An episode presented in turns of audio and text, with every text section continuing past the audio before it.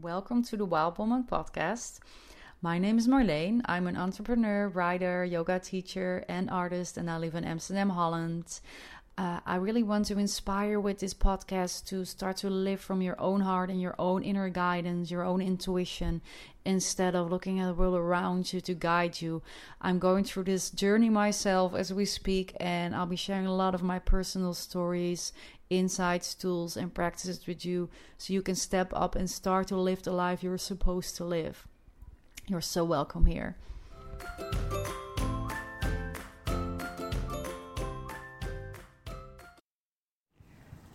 Okay, I'm sitting outside. The weather is really beautiful today, so that's really nice. So I'm soaking up some sun. Uh, my partner Amy and Ben are at grandma, so I have some time, which is quite nice. Oh God, I've been going through some some turbulence over the past two days. Um, the trigger was Joe Dispenza's uh, week long uh, online uh, retreat.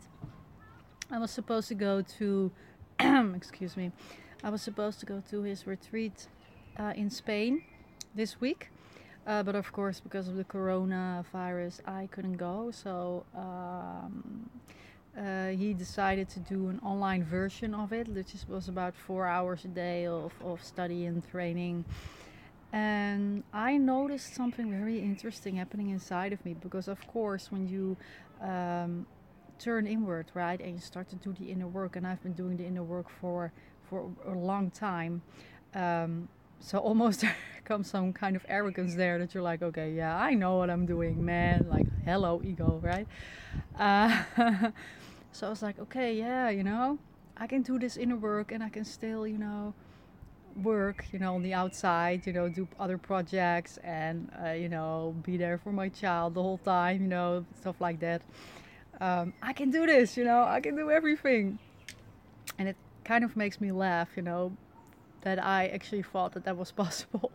So at the beginning of the week, I jumped in there and, you know, I was doing his meditations. Some of those meditations are like two hour meditations um, where you just sit there focusing on the space around your body, the space in your body, um, opening your heart, uh, which is a big part of it. And I, of course, I, I, knew that and I've been practicing that. So, but I noticed that I had some difficulties also um, opening my heart in some meditations, and I had some resistance coming up.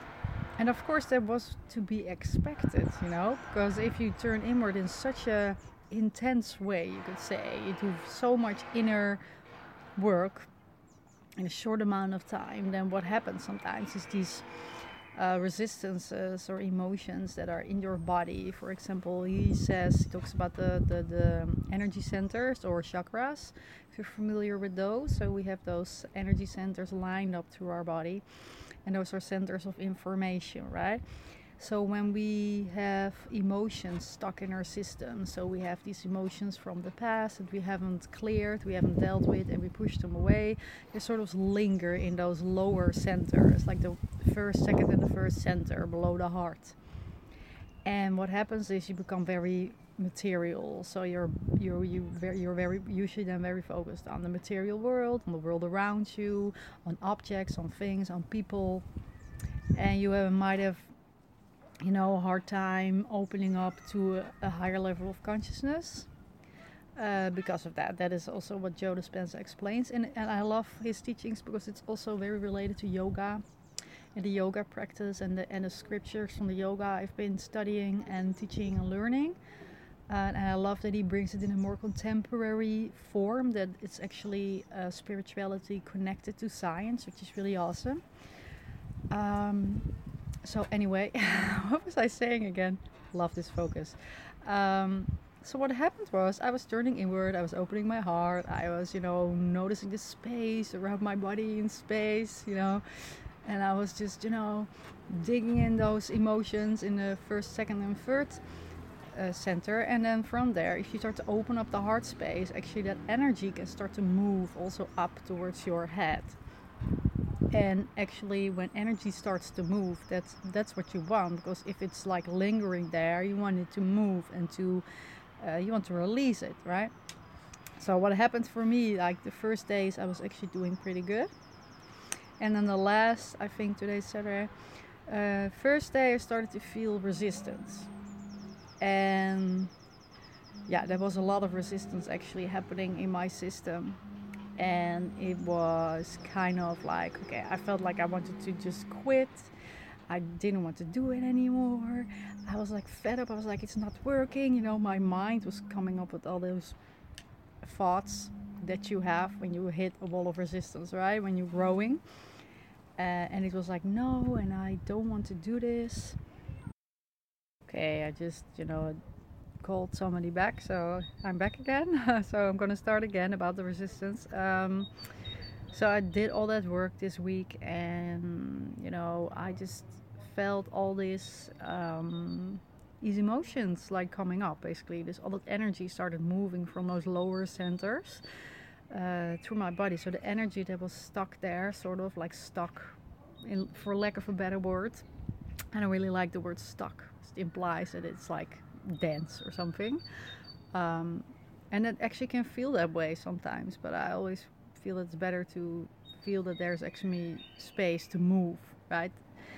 And if that energy can move through your body, then what you can feel is a sort of turbulence.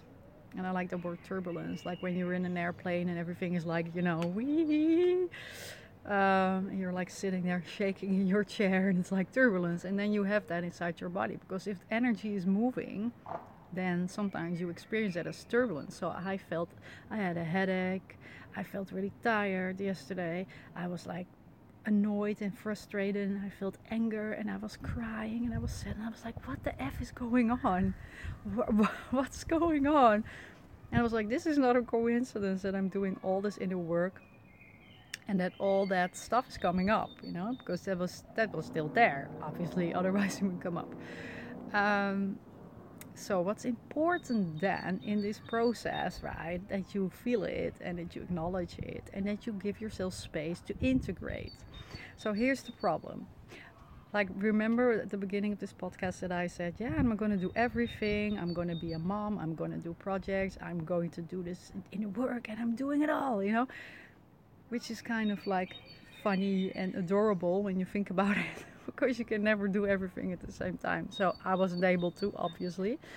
Um, so then yesterday i actually felt like i needed to be alone to move into that integration part of it and the integration is where the energy starts to move and you give yourself space to allow that and feel that and release it and do whatever you need to do to you know let the energy move through you in a in a in a way that supports you. Um, so when you have a lot to deal with at that moment from your environment for example then you make it you make it especially hard for yourself to integrate. So sometimes for that for that piece of integration where energy is moving and you just want to let it move through you. Uh, what I, for example, need sometimes is just a few hours, or sometimes not even a few hours. It depends on the amount of energy that's moving, of just alone time and just you know journaling, uh, breathing, feeling it, uh, crying, you know, taking a long walk outside, sitting in the sun alone and just, you know, soaking in it, sort of. Uh, whatever it is that helps you to let it move and and be being kind while, while while the energy is moving instead of you know being judgmental and forcing yourself to do something else you know thinking like I should be working I should be doing this I should be doing that you know the classic mind things that happen when we're in integration the more like what I learned right now again because yesterday I actually got a bit of a clinch because I felt like okay I'm here mommying you know and I'm, and I'm with my partner and I'm doing all these things and I, I, just don't have any space to do this right now because I had all that uh, integration and all the turbulence happening inside of me and I just needed that space. So today um, Ben and Remy are actually uh, somewhere else and there was a part of me that wanted to come with them, and then I realized no, I shouldn't do that. I should actually be alone now and, and you know move through this integration, move through this process inside of me. so yeah so i've been doing all the things that feel right for me right now and i'm starting to really feel that it's you know the energy is moving it's shifting i feel different again we're starting to feel more uh, relaxed and grounded and uh, that like you know high you know movement that turbulence is sort of calming down. And the reason for that is because i'm giving myself that space to do that. And sometimes you know you can say yeah but i don't have hours. Then even if you just give yourself like a, a 15 minutes a half an hour whatever that can already make a difference. And i sort of think it's kind of cute that at the beginning of the week i was like yeah i can do this you know i can do everything and uh, of course i know that's not the case but sometimes you know your mind can be such a you know can be such a tricky thing that it's just saying yeah yeah, okay, I can do everything at the same time. It's fine. And then you have all these expectations, and um, of course, that's not going to work. But the good news is that I'm able to see these things so fast. And this is the practice that I've been talking about, uh, I think, for like maybe a lot of podcasts. It keeps coming back. I think this is the most important practice, like this. How you um, handle the triggers, the emotions, the, the, the, energy moving through your system every day, every moment, uh, from awareness, from consciousness, from presence, and your ability let the energy move. So, that movement of it, the, the better you get at that, the better you are able to stay connected in this moment, to, to stay connected to that field of, of, of consciousness, to your own source energy, um, to your inner guidance. I really feel that this is such a profound thing because we get so lost in our thoughts and emotions and if you if you if you can if you can practice you know just sort of getting a handle on that. And and you don't have to be perfect. Like you don't have to be that person that never gets triggered or something. That's kind of not the point. Point is that you get triggered for example see it and are able to move through that and out of it again instead and and also move through it with love ideally instead of like you know self-judgment and, and and frustration and all that stuff and even if that happens, you can have compassion then as well. So the more love and compassion you bring towards yourself when you move through these things, the better it is, and the faster usually it will move through you. Um, and then you can even have these moments that it's just a little burp on the surface. It's like blop.